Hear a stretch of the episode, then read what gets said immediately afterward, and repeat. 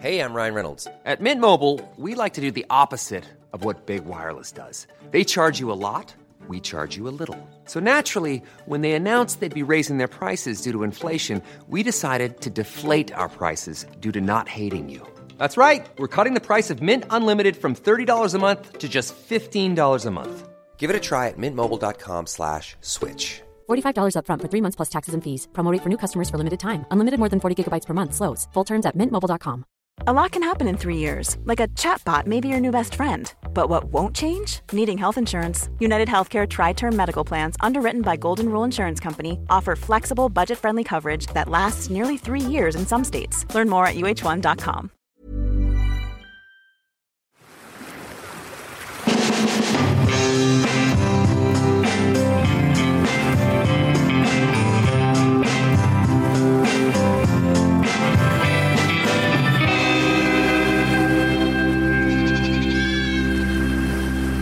Hej och välkomna till Lille Lördag Sommarspeciale. Är det samma speciale? Du ska ju åka bort. Om vi kanske gör en AI-an så kanske det, det är okej då. För vi ska prata lite om det idag. Vem, eh, vem som äger kraften i AI. Vad, vad är knäppast, vad är farligast och vad är så vidare. Det är ju ett hett ämne. Det är verkligen ett hett ämne. Ja, och jag är liksom, jag är väldigt så här för och emot att prata om AI för att jag vill inte vara med och stressa upp någon. Jag tyckte det var väldigt bra som fysikprofessor Ulf Danielsson sa i eh, idébyrån. I grunden är AI bara en kulrad, det vill säga matematik översatt till data. Så att man ska inte glömma bort det perspektivet. Frågan är väl bara vem som har makten av AI och vad de personerna väljer att göra med det. Det är snarare kanske där faran ligger.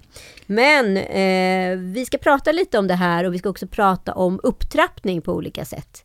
Och också nedtrappning utav relationer. Vi har träffat massa kvinnor som inte älskar sina män längre. Massa kvinnor. Vänta, vänta. Vi har träffat massa kvinnor som hatar män. Ja, Och inte, det vill säga radikala feminister, utan kvinnor i relationer som inte längre uppskattar sina män. nej. Men vi- ändå är med dem. Ja, och det här tycker vi är så spännande fenomen. Hoppas ni hänger med, för nu åker vi!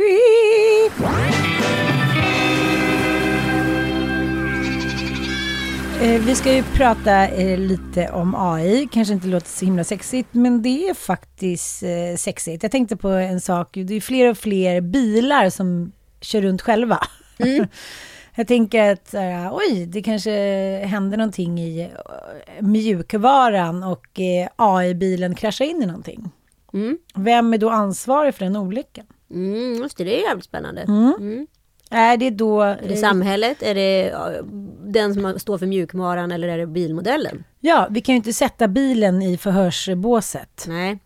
Och det här är ju liksom en av många diskussioner som just nu pågår om AI. När Googles liksom stora AI-utvecklare själv gick ut och drog i handbromsen och sa så här, hej jag kan inte vara med och stödja det här längre. Det här kommer bli liksom ett krigsmateriel och material vad som än händer. Då, då blev ju rätt många, tror jag, rätt stekta.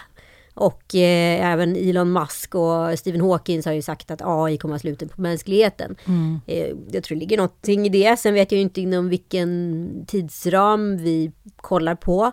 Det känns som att världen är liksom en rätt läskig plats just nu. Eh, Henry Kissinger gick ut i The Economist för ett par veckor sedan och pratade om den här upptrappningen vi ser mellan Ryssland och deras symbios med Kina och Kinas liksom, eh, vad ska jag säga, ja, rätt ansträngda relation med USA just nu. Att han då som har varit med sedan 1945 och ja, han är ju 100 år nu liksom.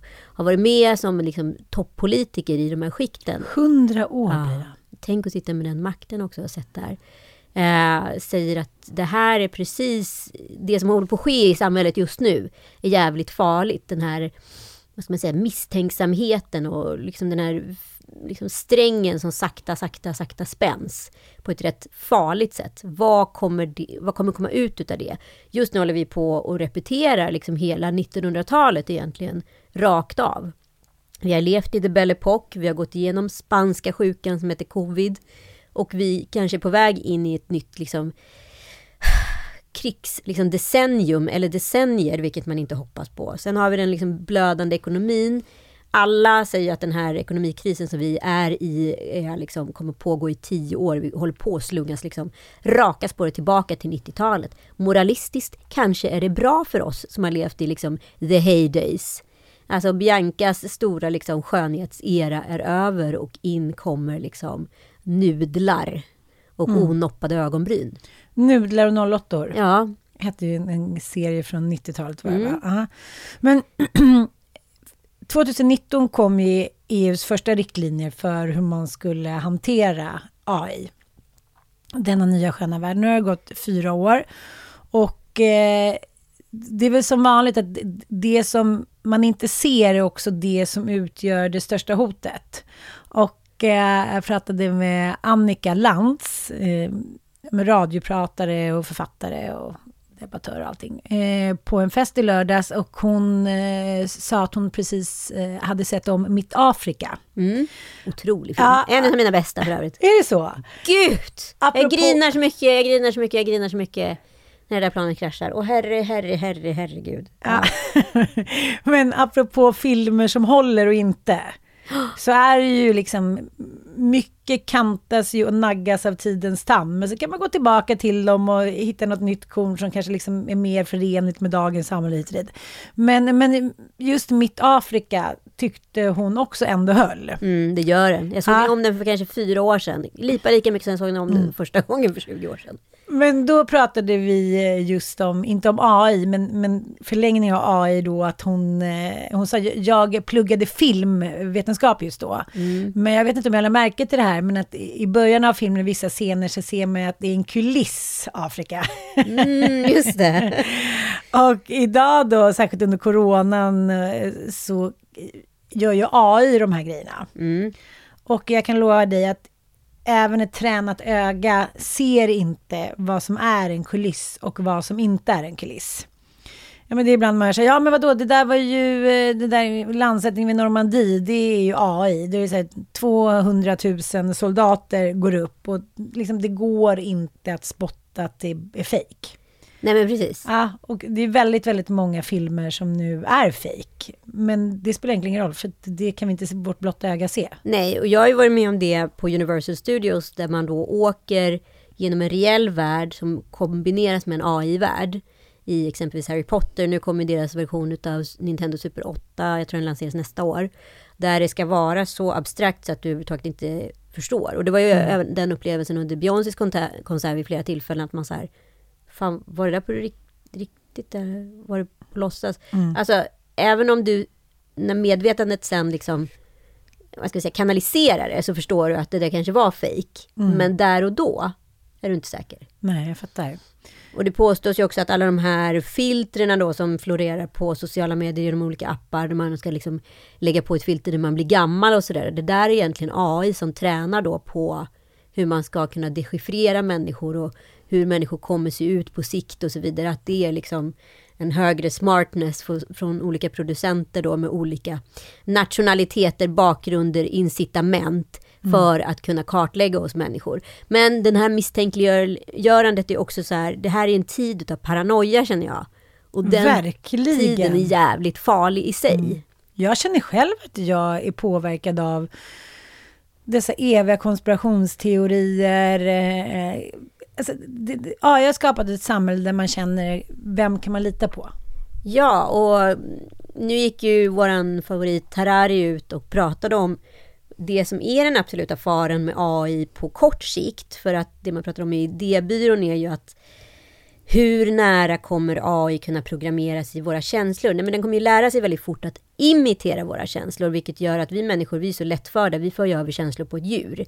Ja, nu tittar hunden på mig på det här sättet och det betyder att han känner så här, fast det är bara egentligen våra egna mm. reflektioner och känslor och speglingar som reflekteras genom det här djuret. Eh, men AI kommer ju lära sig att tolka det beteendet väldigt fort. Nu har ju faktiskt det första AI-äktenskapet trätt i kraft i Kina, där en man då har gift sig med sin AI-bot.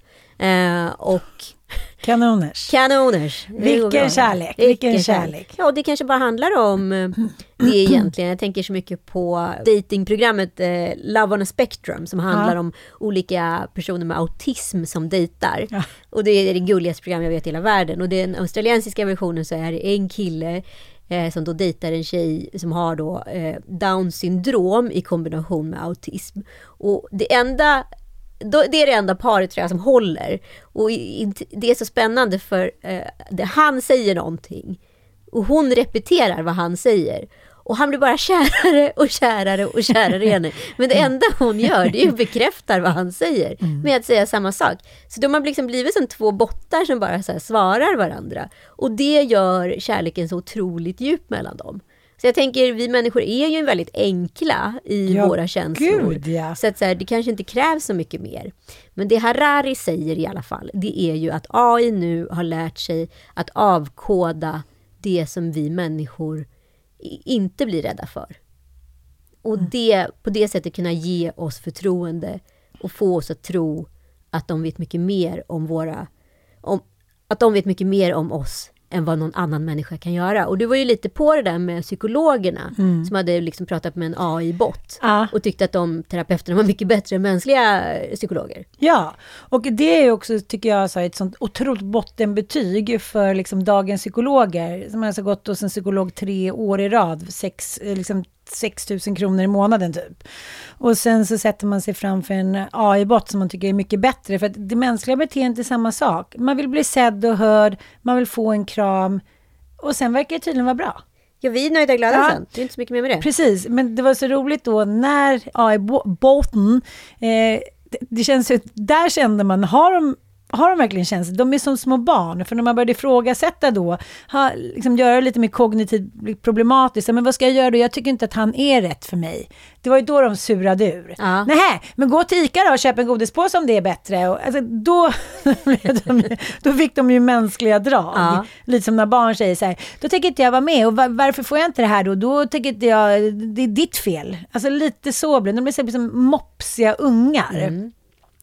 Men det som jag tycker är lite läskigt, som med allt annat, ja men inom maktstrukturer så är det ju männen som designar mycket av AI. Absolut. Det är sexrobotar, det är vapensystem, det är liksom eh, sånt som förstärker maktsystemen liksom. Och kvinnors underlägsenhet. Sex, porr, vapen.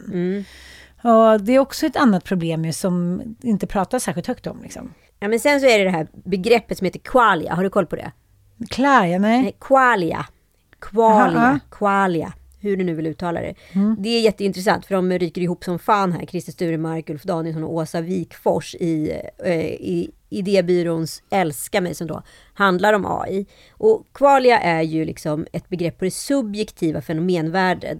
Eh, det vill säga medvetna upplevelser. Känslor som du påstår inte kan beskriva.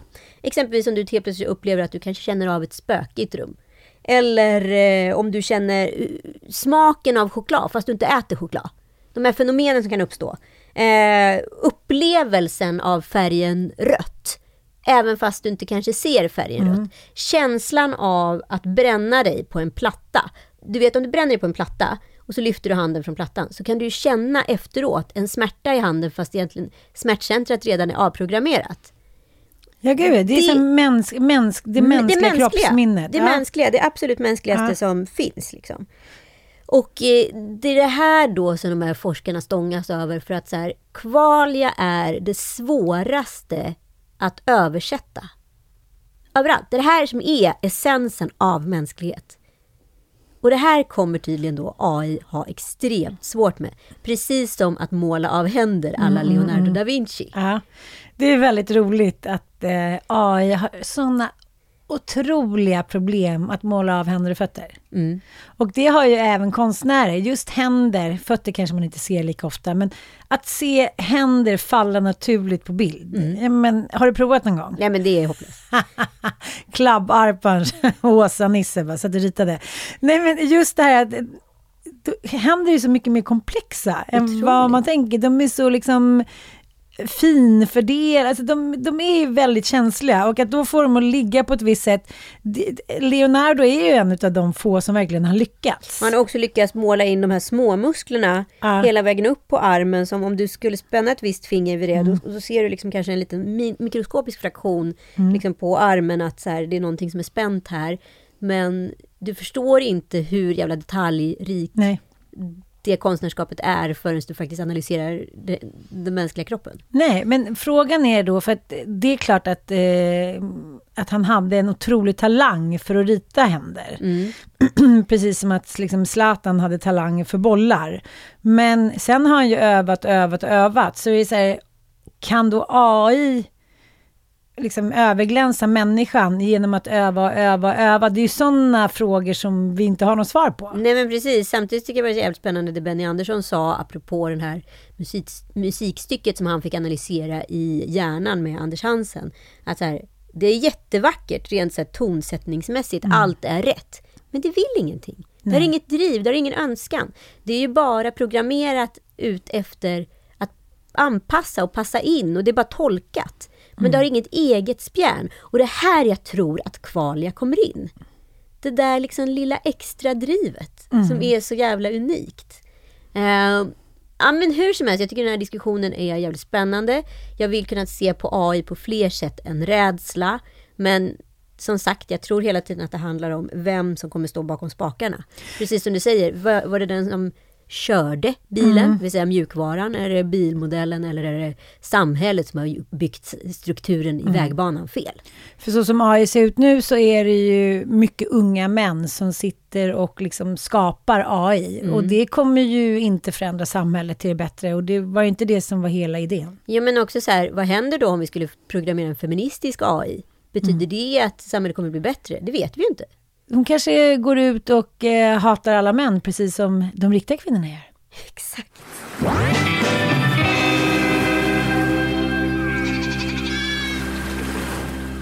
Ja men gud så spännande. Jag var på en lunch här för, ja men det var nog Några timmar sedan. Ja men det är ett tag sedan. Ja. Men eh, det var ett samtal som så här fastnade i mig på den här lunchen. Där alla kvinnor som jag pratade med mer eller mindre var väldigt missnöjda med sina män. Utan att eh, för den delen vilja separera. De eh, tyckte de luktade illa i munnen. De skulle aldrig i helvete kunna gå ner på dem. När de låg så ville de bara att det skulle ta slut fort som fan. För, och, och sen var det någon som tipsade till och med en annan kvinna om att så här, men tänk på någon annan. Du kan ju ha porrsurfat lite innan, så kollar du och tänker på den snubben och så bara sluter du ögonen och så tänker du på honom så låter du det vara över. Mänsklighetens liksom förfall. Nej men och då var jag så men varför vill ni liksom leva med de här männen då? Och det var inga konstigheter. De skulle aldrig kunna tänka sig att leva med någon annan. Man, Det hade de ju inte ens tänkt på eller? Nej, men det var bra och stabila karar och det var tryggt och det var härligt. Men det där med att de ska hålla på och kyssa på munnen. Nej men absolut inte. Han har inte fått kyssa mig på munnen för, sen han fyllde 50.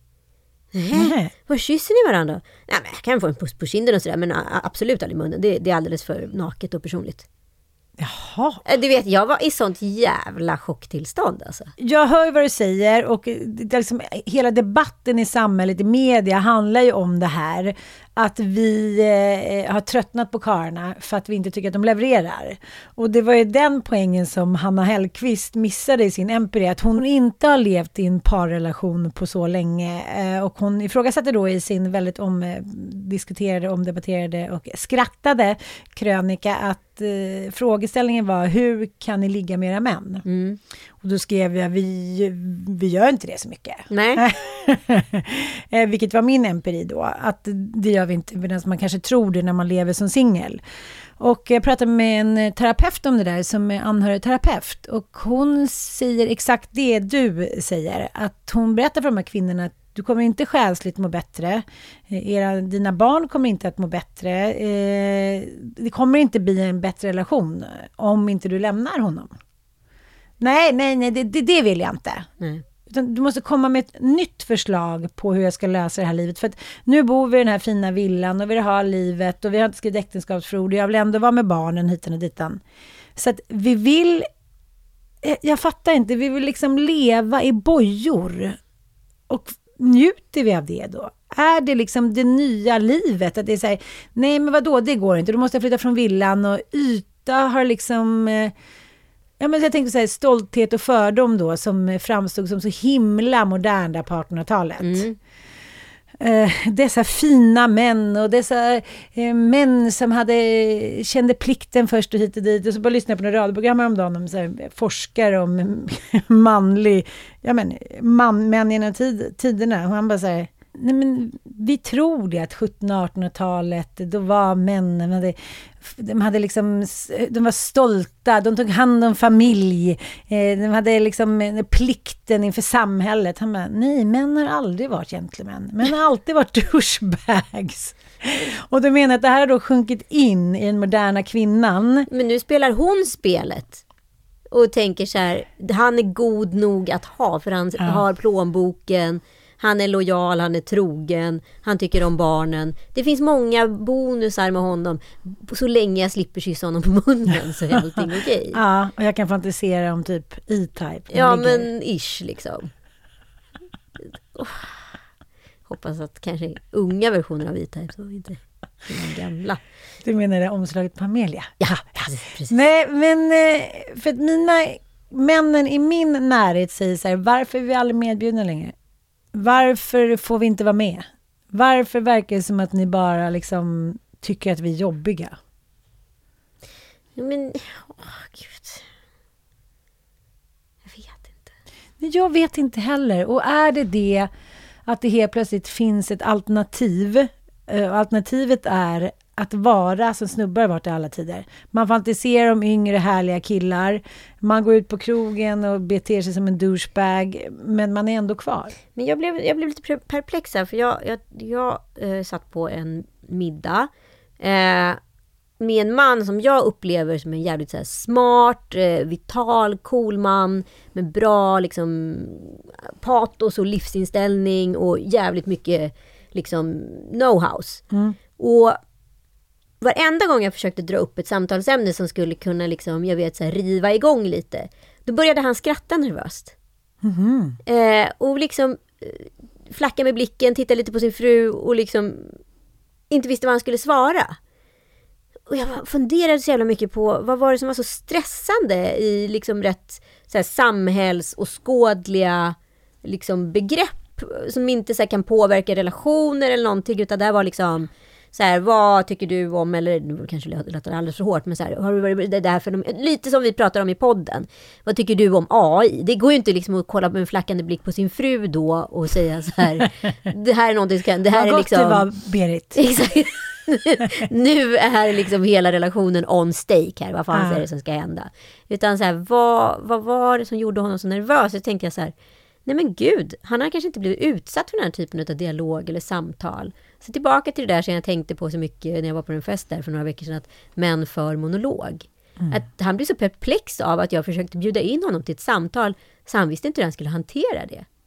Utan grunden av samtalet kanske måste komma från honom. Att det är han som sätter spjärnet och sen får jag då säga ja eller nej eller reflektera på det. Att bjuda in någon till ett samtal, det var en sån stor effort i hans liv han blev liksom lite tagen på sängen för att han inte hade hunnit formulera en åsikt om det. Och i och med att han inte hade definierat och formulerat en åsikt, då blev det stressande för honom och därför tappade han självförtroendet. Därav blev han ointressant på middagen. Mm -hmm. Förstår du? Alltså du menar att den moderna kvinnan har tystat mannen? Hon är för smart. Ja, jag, jag är också inne på det här och jag hör hela tiden att på så kort tid har vi gått om på nästan alla områden som in, Även de klassiska områden där män alltid haft makten. Så det som kommer ske då med AI är min analys, eftersom män då programmerar AI, att de håller på att radera sig själva. Under tiden vi kvinnor kommer skaffa oss en AI-man som har lärt oss genom den tysta tolkningen förstå vad kvinnor vill ha. Ryan Reynolds here from Mint Mobile. With the price of just about everything going up during inflation, we thought we'd bring our prices down. So to help us, we brought in a reverse auctioneer, which is apparently a thing. Mint Mobile unlimited premium wireless. Have to get 30, 30, bit to get 30, bit to get 20, 20, 20, bit to get 20, 20, bit to get 15, 15, 15, 15 just 15 bucks a month. So, Give it a try at mintmobile.com/switch. slash $45 up front for 3 months plus taxes and fees. Promo for new customers for limited time. Unlimited more than 40 gigabytes per month slows. Full terms at mintmobile.com. Quality sleep is essential. That's why the Sleep Number Smart Bed is designed for your ever evolving sleep needs. Need a bed that's firmer or softer on either side? Helps you sleep at a comfortable temperature? Sleep Number Smart Beds let you individualize your comfort so you sleep better together. JD Power ranks Sleep Number number 1 in customer satisfaction with mattresses purchased in-store. And now, save 50% on the Sleep Number limited edition Smart Bed for a limited time. For JD Power 2023 award information, visit jdpower.com/awards. Only at a Sleep Number store or sleepnumber.com. Jag eh, försökte läsa om Bridget Jones dagbok häromdagen. Gick det bra? Kanoners. Eh, Men dels för att det är så chockartat att eh, i den brittiska kanon så är den en av de hundra mest epokavgörande böckerna enligt då. Ja men, eh, ja, men det är Jane Austen och sen så är det Helen Fielding. Precis, Fielding. Ja, eh, eh, det är, förlåt. Det är alltså Jane Austen och Her- Helen Fielding. Ja, precis. Ja. Eh, de ligger där eh, nära varandra i den här liksom, kanonen och bokkanonen. Ja, men det är ju samma bok, bara Ja. några århundraden mellan. Ja, men det har hon ju sagt själv att så här, det har hon ju erkänt. Ja. Det- Den där har ju, plotten har jag bara snott Och han heter väl till och med Mr Darcy? Precis, Ja. precis. Eh, men på den tiden då, på 1800-talet, så var det ju väldigt modernt då av pappan att han ville att, de skulle, att hans döttrar skulle gifta sig av kärlek. Just det. Det var ändå ga, någonting ganska nytt i de högre klasserna. Liksom. Mm. Men att ändå att den här trumpna, lite svåra mannen kunde kvinnan då eh, lösgöra och luckra upp då med sin charm, sin kärlek och sin ork. Mm. Och eh, det är väl det som har hänt nu att vi har inte den där orken längre. Dels är vi ju dödliga. Vem fan orkar på och lirka med någon sur gubbe? Nej, men gud så tröttsamt. Nej men du vet, man bara säger, Ja, men nej, men jag- nu har jag försökt säga någonting i tio år och det verkar liksom ha gått in genom det där vackra håret som du hade träffat. Nu är det flinten som det bara pyser ut ur. Du är inte vacker, du luktar fortfarande illa, eh, du har vinballe, eh, även fast du inte har druckit vin. Vad fan ska jag göra åt det här? Nej men det är ju liksom min ständiga, om vi har någon, någon issue jag och Joel så är det ju liksom att hans trumpenhet. Ah, Att han så här, går in i sina trumpenperioder. den trumpne mannen. Och jag ska lirka. Ah. Och jag säger att jag är liksom inte kapabel längre till att lirka. Jag är liksom avprogrammerad från Ah. lirket. Det enda jag gjort med barn och män etc. i så många år är ju lirkat. Mm. Lirkaren. Ja. Och jag är också helt ointresserad av att lirka. Men problemet är ju att man är sån eh, stor del utav hela den här eh, liksom fasadrelationen. Så när man väl har bestämt sig, då är det lite som att man liksom drar ner Berlinmuren på en kvart. När rullgardinen går upp och Berlinmuren liksom rasar och man inte orkar spela spelet, då har ju den där lillpåven suttit där på tronen och helt plötsligt bara sparkas han hårt ner av en stilettklack. Man säger, åh vad gott det var. Nej, det var det inte. Det smakade ingenting. liksom, åh vad härligt det här var. Nej, det var inte alls bra sex. Det var liksom, du gjorde ingenting mot... Alltså, man håller inte käften på samma sätt längre. Nej. Och rent historiskt så har ju vi kvinnor alltid fått höra att vi, allt är vårt fel. Var och en är autistiska barn, alkoholiserade män, krig, förfall. Ja men allting är ju kvinnans fel. Men män har ju aldrig fått höra att det är deras fel. Nej, det är ju chockartat. Ja, så de är ju liksom inte eh, psykiskt förberedda för det här, mentalt starka nog. Så att när man säger en taskig grej för dem, det är som vingslag i natten. De klarar liksom inte det. Nej. De klarar inte av att få höra sanningen, för att de aldrig behövt höra den. Nej. Så att det, just nu är det liksom en svår jäkla kombo alltså. Gud, jag minns så väl min... Eh, jag hade en sån jävla sinnessjuk dejthistoria. Apropå Notting Hill. Ja, men apropå Notting Hill, Ja. väcker... Jag, jag träffade en... Det är den enda gången jag dejtat en banker. Jag funderar många gånger på varför följer jag aldrig för några mer bankers? Bebis tror jag säga, men det kanske är samma sak. Nej, en tysk, väldigt snygg faktiskt, banker eh, träffade jag på Grand Hotel. Han heter inte Andy Laufer. Han heter inte Andy Lau, för jag är 23 år gammal. Jag träffade honom på Grand Hotel i Stockholm. Det är år 2011. Eh, Det här är på våren, vi tar en drink eh, och eh, ja men det är bara en superhärlig dejt. Liksom. 100% spontan, jag var där, han var där. Inget Tinder. Ing, och sen, nej, inget Tinder, ingenting. Sen sågs vi dagen efter, tog en drink till. Väldigt artigt. Alltså han, tror han, jag tror han kände att så här, det här kanske är kvinnan i mitt liv. Så det som sker är att han bjuder över mig till London. Och det datum... Efter en dejt. efter två dejter. Lederhosen Ja, men vi pratar massor i telefon och... Ja, nu vet jag inte vad det där var för språk. Någon form av låtsasdanska. Men jag har alltså blivit överbjuden till London den 11 september 2011. 9-11. Samma dag ska du åka dit. Samma dag ska jag åka till London. Han är i New York och jobbar i The Twin Towers. Wow! Så jag sitter hemma, packar, jag ska åka på eftermiddagen, jag är så jävla pepp på den här resan. Ser helt plötsligt på TV4 två torn som bara faller ner i pulver. Elva tiden var det första. Ja. Och sen vid ett var det andra för mig. Och jag ringer och jag ringer och jag ringer och jag får inget svar. Jag blir oroligare och oroligare och oroligare. Man sig. Till sist så får ringer han upp mig. Då har de tagit sig ut ur New York, ett gäng på jobbet. De flesta dog. Via Kanada ska han flyga hem till London. Och jag är så här, men gud, vad ska jag göra? Ska jag komma? Ska jag inte komma? Han är så här, ja, du måste komma, du måste komma. Man behöver tröstas. Han behöver tröstas.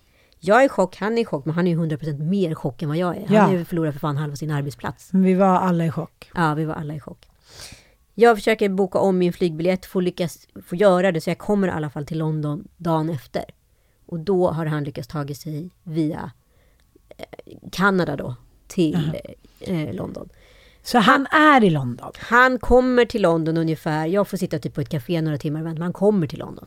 Men han är ju ett vrak. Alltså han är ju ett vrak, vrak, vrak. Han har då köpt ett eget litet townhouse i Notting Hill. På den där legendariska gatan där man spelar in filmen Notting Hill. Två hus bort ifrån Hugh Grants lilla bokaffär som Ja, han just jobbar. det, just det, just det. Alltså jag kommer ju liksom in direkt i paradiset men han släpper ju in mig och är liksom under isen. Dels är han med jetläge, man har ju också så här totalt ett trauma. Han har liksom varit i hushuset. Nej, alltså det är så sjukt. Men det här är ju en typisk 23-årings reaktion på det här då. En 23-årig egocentrisk kvinna. Som nu tyckte att hon har sörjt och varit med honom och suttit. Jag satt många kvällar där och liksom pratat med honom i telefon och liksom hållit på och klidrat och jiddrat. Tyckte jag. Vilket kanske var tre kvällar. En kväll måste det vara. Och sen att jag 30. lyssnade på honom en hel middag då i London. Där han Oj, en liksom hel helt- middag. Det tyckte jag att det började bli tråkigt. Det tyckte jag att det började bli tråkigt. Tur att inte vi är födda på 40-talet. Vi hade ju typ skjutit varenda man. Oj, lite gift i kaffet. Så nu tyckte jag att han hade sörjt klart. För nu hade Aha. jag sörjt klart. Nu vill jag ha kul. Jag var ju ändå i London. Ja, precis. Så jag tvingar ju med den där stackars saten ut. PTSD-soldaten. Ja, ut på liksom så Kensington Gardens med någon så medlemsklubb som jag tror typ är Annabelles idag, eller ligger liksom nästgårds där.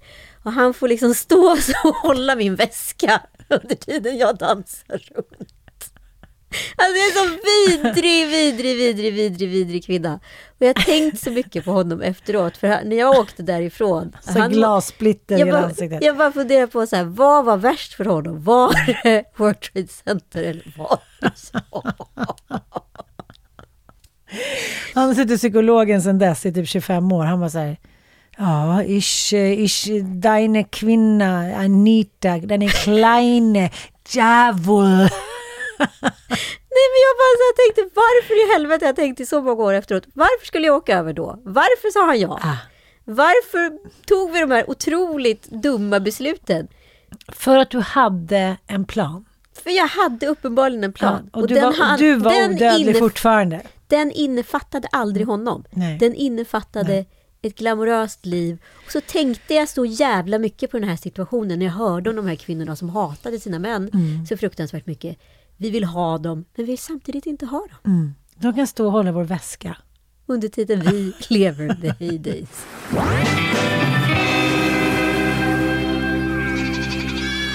Ja men eh, fadäsdejter, det har ju varit en del, så att säga. Eh, det är ett väldigt, väldigt roligt samtalsämne alltså. Ja, men På en middag så här, katastrofala dejter. Mm. För att ibland är det verkligen så här, okej, det kom ner en liten blippande man från Mars och satte sig framför mig och försöker tolka kvinnan. Ja, men hon som jag berättade om som hade varit på Tinder-dejt i lägenheten där eh, hela lägenheten bestod av clowner. Ja, just det. Ja, Ja. alltså det, det är så mycket som är så konstigt. Som man tycker ändå, såklart är superkonstigt per definition när man är där. Men sen när man kommer därifrån och har fått så här någon vecka eller några på nacken så är det så här, nej men det här är så galet. Ja, men det är lite som att gjorde det." landa i den där AI-upplevelsen när man inte vet så här, det här är så bra 3D så jag vet inte om det är på riktigt eller på låtsas. Där och då är det overkligt, men när du väl hinner landa i tanken så tänker du så här, fan det är helt jävla vansinnigt, det Ja. var ju superoverkligt. Ja men eh, apropå dejter när eh, männen inte kanske är 40-talister men fortfarande tänker sig 40-talister. Jaha. Ja. när jag var på en sån här businessmiddag, Ja. det är inte jag så ofta. nej, nej, nej, nej. Men tackade jag till det för jag tyckte det var lite intressant. Det hade liksom lite innehåll av dju- djur. Exotiska djur. Ja, Jag kan inte säga mer för då kommer den här personen direkt fatta. Eh, den här mannen hamnar med mig. Jag har ett moment. Du, du briljerar. Ja, men jag, liksom, jag är på gång. Ja. Jag är på gång på rätt sida skalan. Ja. Jag har inte gått över till så här, the bananas. Nej. Utan det är några glas champagne. Jag blir, kan ju bli lite upphetsad i lite finare miljöer. Ja, men också du säger lite, du är lite snabb i huvudet. Du säger rätt grejer vid rätt tillfälle och det är Precis. högst oväntat. Precis. Den, det är min bästa. Ja, jag körde Big Five kan vi Mm. säga. Och han sitter där, eh, liksom, eh, nej men han blir mer och mer hänförd. Han har inga barn, Mm. Nej. han är inte gift, eh, ganska högst liksom uppsatt inom sitt gebit. Man tänker så här, inom några år så är han kanske top notch. Ja. Kan man också bli lite förförd av, även om eh, kanske det man ser är inte det man trodde att man vill ha. Nej, nej, nej. Nej, nej, nej. Eh, jag kör på där. Jag håller lite låda. Ja. Kanske börjar gå över mot andra sidan. Skalan. Jag börjar gå uppåt. Det var ingen tigerjakt. Det är ingenting här. Nu är jag nere på Tumba. Ja, okej, okej. Tumbajakt. Det vackra vårtsvinet. Ja. Men jag håller mig ändå på rätt sida. Jag, jag är fortfarande eh, magnetistisk kan vi säga. Mm, härligt. Eh, hur som helst, eh, nu har jag ju liksom hakat av honom. Ja, ja, ja. Ja, men nu vill jag ju liksom upp till eh, den högsta kasten. ja. Vad det än må vara, men det är inte han i alla fall.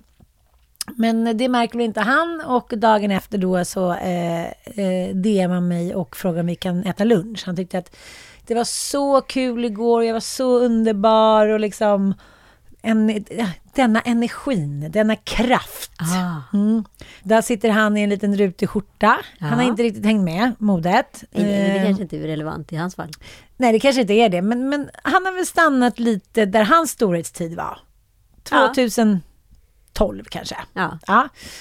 Eh, och jag tänker så här, ja, lunch, uh, okej, mm, ska, är det här bra? Till och med jag kan faktiskt tänka sig, är det här bra för mig? att träffa honom på lunch? Ja, men då gör, då gör jag det då. Och eh, nu börjar det med hjärtemojor och små grisar. Och så här, liksom, nu är han på gång. Jaha. Nu har han insett att så här, all this and brains too. Det här kommer passa in i mitt liv. Alltså, Vänta, vänta, vänta. Vadå, vad kommer passa in i ditt liv? nej, men det här, alltså jag skulle passa in i hans liv, anser han. Ah, För hans strävan mot det han inte kan nå utan en kvinna som både kan snacka och glänsa lite då. Och nu är det klart för honom. Jaha, det var bara det som behövdes. Men han, hur skulle du passa in i, eller hur skulle han passa in i ditt liv? Nej, men- Ställdes den frågan någonsin? Nej men jag kan ändå, ja men kvinnor är kameleonter kanske på ett annat sätt, men jag förstår vad han ville komma med mig. Ja. Men då tänker jag så att man kanske ändå måste ställa sig frågan, som att jag skulle aldrig gå in i näringslivet, granska en Södlund. Alltså så här, nej, det finns ingen anledning för mig, jag vet vart, vart, vart mitt skepp har gått. Ja, och det har inte gått mot näringslivet. Nej. Och det har inte gått mot kungahuset. Nej. Och det har inte gått mot politiken. Nej. Alltså det finns vissa områden där jag känner så här, don't go there. Och, och då gör jag faktiskt inte det. det är Mm. nej, väldigt nej. ovanligt för mig. Men nu är det som att det är klart. Det är klart för honom. Trots att jag har man och barn och liksom, nej, det, det ska vi, det är vi två mot toppen. We're the fucking Kennedys nu. Nu är det liksom klart. Ah, wow. Och eh, jag försöker väl här, plocka ner de här hjärtemojisarna och liksom mm, tummen upp och kram. Och, äh, han, är liksom, han har skapat sig sin egen AI-värld med mig. Otroligt. Och så tänker jag så här, men hur, då har han tänkt att du och jag och han till exempel, vi ska åka till Venedig på någon fest. Eller han ska komma in med typ grabbgänget liksom. Det är han och Alex, Alex Kronlund på en efterfest. Och så, nej men du fattar, det är liksom... Hur skulle han finna, alltså jag ser ju också så här Gotlands and på sommaren. Hur han skulle då här, ta sig runt och navigera i din Ja, värld. I sin Den- lilla pullover. Ja men för jag, grejen är så här, jag ser ju att du skulle kunna passa in i hans värld Mm. per definition. Men hur i helvete skulle han passa in i din? Nej, jag tänkte- det, det har inte ens han sett Nej. som ett hinder. Eh, han då, så här, onkel Anders som kommer och ska ta Bobo till träningen. Han och Elon ska snacka lite träning och lite liksom, politik. Eller jag vet inte. Men det, det verkar inte vara relevant. Utan så länge jag kunde vara med i hans värld så fick resten lösa sig. Otroligt. Och sen då efter vidare sms och liksom lite kärleksförklaringar hit och dit så kände jag bara så här, nej men jag måste fråga honom det. Jag måste fråga så här, hur har du tänkt nu? Ja, Ja. Den frågan förstod han inte riktigt. Utan han var mer så här, men du och jag, det skulle bli toppen och vi skulle ha så kul och ja men lite så det, klassiska eh, sättet att man uppar varandra till en nivå som är liksom eh, beyond allt vi båda någonsin har drömt om. Så man kan vara när man tänker tillbaka på ett ex till exempel. Ja. Och så dyker han upp. Man är så här, okej, Lasse från 7C. men gud, och gud jag kommer ihåg att jag alltså dejtade någon sån snubbe som var helt så besatt utav pengar. Han pratade alltid pengar. Ja. Och helt plötsligt så satt jag själv där och bara pratade pengar med honom. Ja. Och mina kompisar tyckte att jag var helt anskrämlig och bara undrade vad fan var det jag hade blivit liksom. Ja.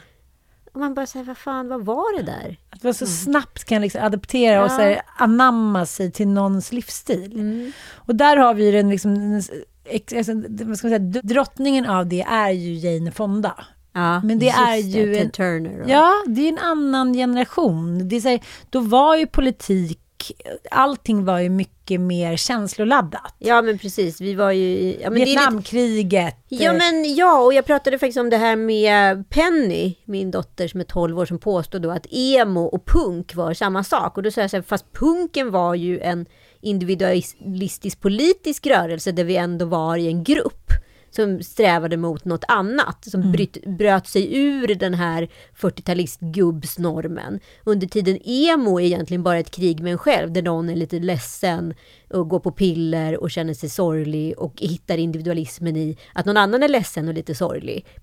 Och på så sätt skapar ett kluster. Men det finns ingen politisk agenda under tiden punken är superpolitisk. Hon bara, nej det är samma fast det är nytt. Jag bara, nej det är inte det. Nej. Det är två olika krig.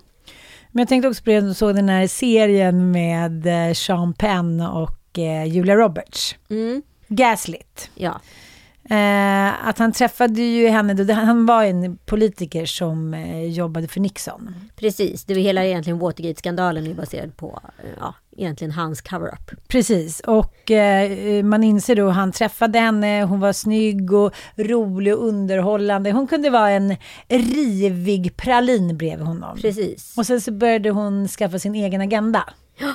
Och då blev hon ju liksom en sån jävla säkerhetsrisk. Ja, det var ju en paria direkt. Precis, och jag tänkte på det med den här mannen då som jag träffade, som hade liksom, vi var redan klara. Ja. Vi gick altaret fram. Du hade blivit hon, Martha. Ja, ja, ja, det blir hon Martha. Ja. Det hade liksom aldrig gått. Och eh, jag kan också tycka att det är lite sorgligt. Jag tror att det är ganska vanligt hos män att de kanske inte har hunnit med ja, men giftaståget Nej, men de är ju eller nöjda dejtingtåget. fort. Ja, Tänk, Kolla bara på vad heter det, Alex i Gift i första ögonkastet. Mm. Hur han liksom redan så här, ja det är klappat och klart med Lina, nu kör vi barn, nu gör vi, alltså så här, Ja. det, det är liksom, han har inte, hon tänker säkerligen många fler tankar om hur ska han passa in i mitt liv? Mm. Med mina kompisar, med mitt umgänge. Hur ska han vara en del av det? Under tiden han tycker liksom att det är redan klart. och hur jag än tänker och vrider och vänder på det, även fast jag tycker att det är ganska galet, så tycker jag att det är ganska fint. Det är lite romantiskt. Att det är så här, jag vill ha henne. Hon är perfekt i mitt liv. Fem ungar och en karl. Ja, jag löser, jag löser det bara. Skickar ut karn och ja, ungarna kan bo på internat. Ja, det var liksom, Ja, liksom tankar. Och det finns ju människor som också klarar det. Ja, ja, absolut. Att det är så här, det här är det jag vill ha och jag tänker inte ge mig. Eh, Men samtidigt så när hon inte vill kyssa mig längre så är inte det längre ett problem. Nej! Det, det måste finnas en korrelation mellan det. Alltså jag bestämde mig och nu verkar det som att hon inte riktigt kanske går bananas när hon ser mig. Men det är frugan min. Jag får vara nöjd med det som är. Jag har haft min storhetstid. Mm. Och det får vara gott nog. Mm. Jag vet inte.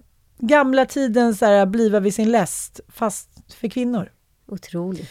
Ja, och att det biologiska liksom, systemet är lite satt i spel eftersom man då kan åka och skaffa sitt eget barn och liknande. Och att, att många män kanske inte har hunnit med.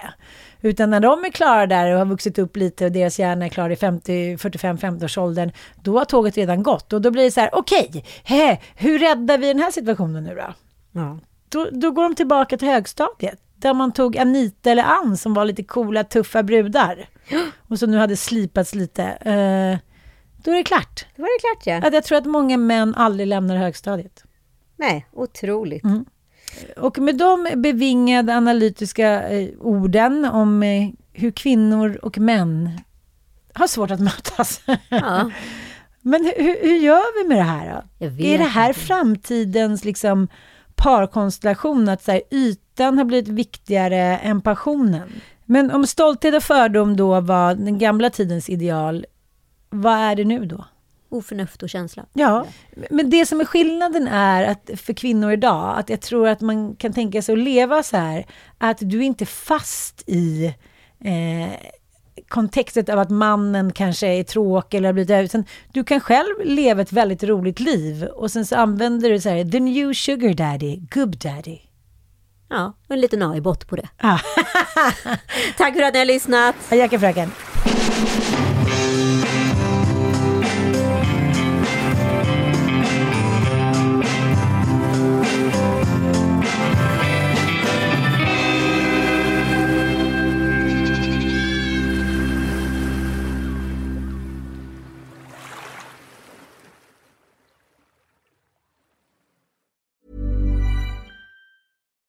It's Paige DeSorbo from Giggly Squad. High quality fashion without the price tag. Say hello to Quince.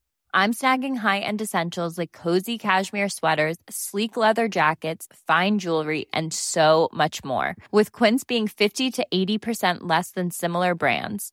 And they partner with factories that prioritize safe, ethical, and responsible manufacturing. I love that. Luxury quality within reach. Go to quince.com slash style to get free shipping and 365 day returns on your next order. Quince.com slash style. Even when we're on a budget, we still deserve nice things. Quince is a place to scoop up stunning high-end goods for 50 to 80% less than similar brands. They have buttery soft cashmere sweaters starting at $50, luxurious Italian leather bags, and so much more. Plus, Quince only works with factories that use safe, ethical, and responsible manufacturing. Get the high-end goods you'll love without the high price tag with Quince. Go to quince.com slash style for free shipping and 365-day returns.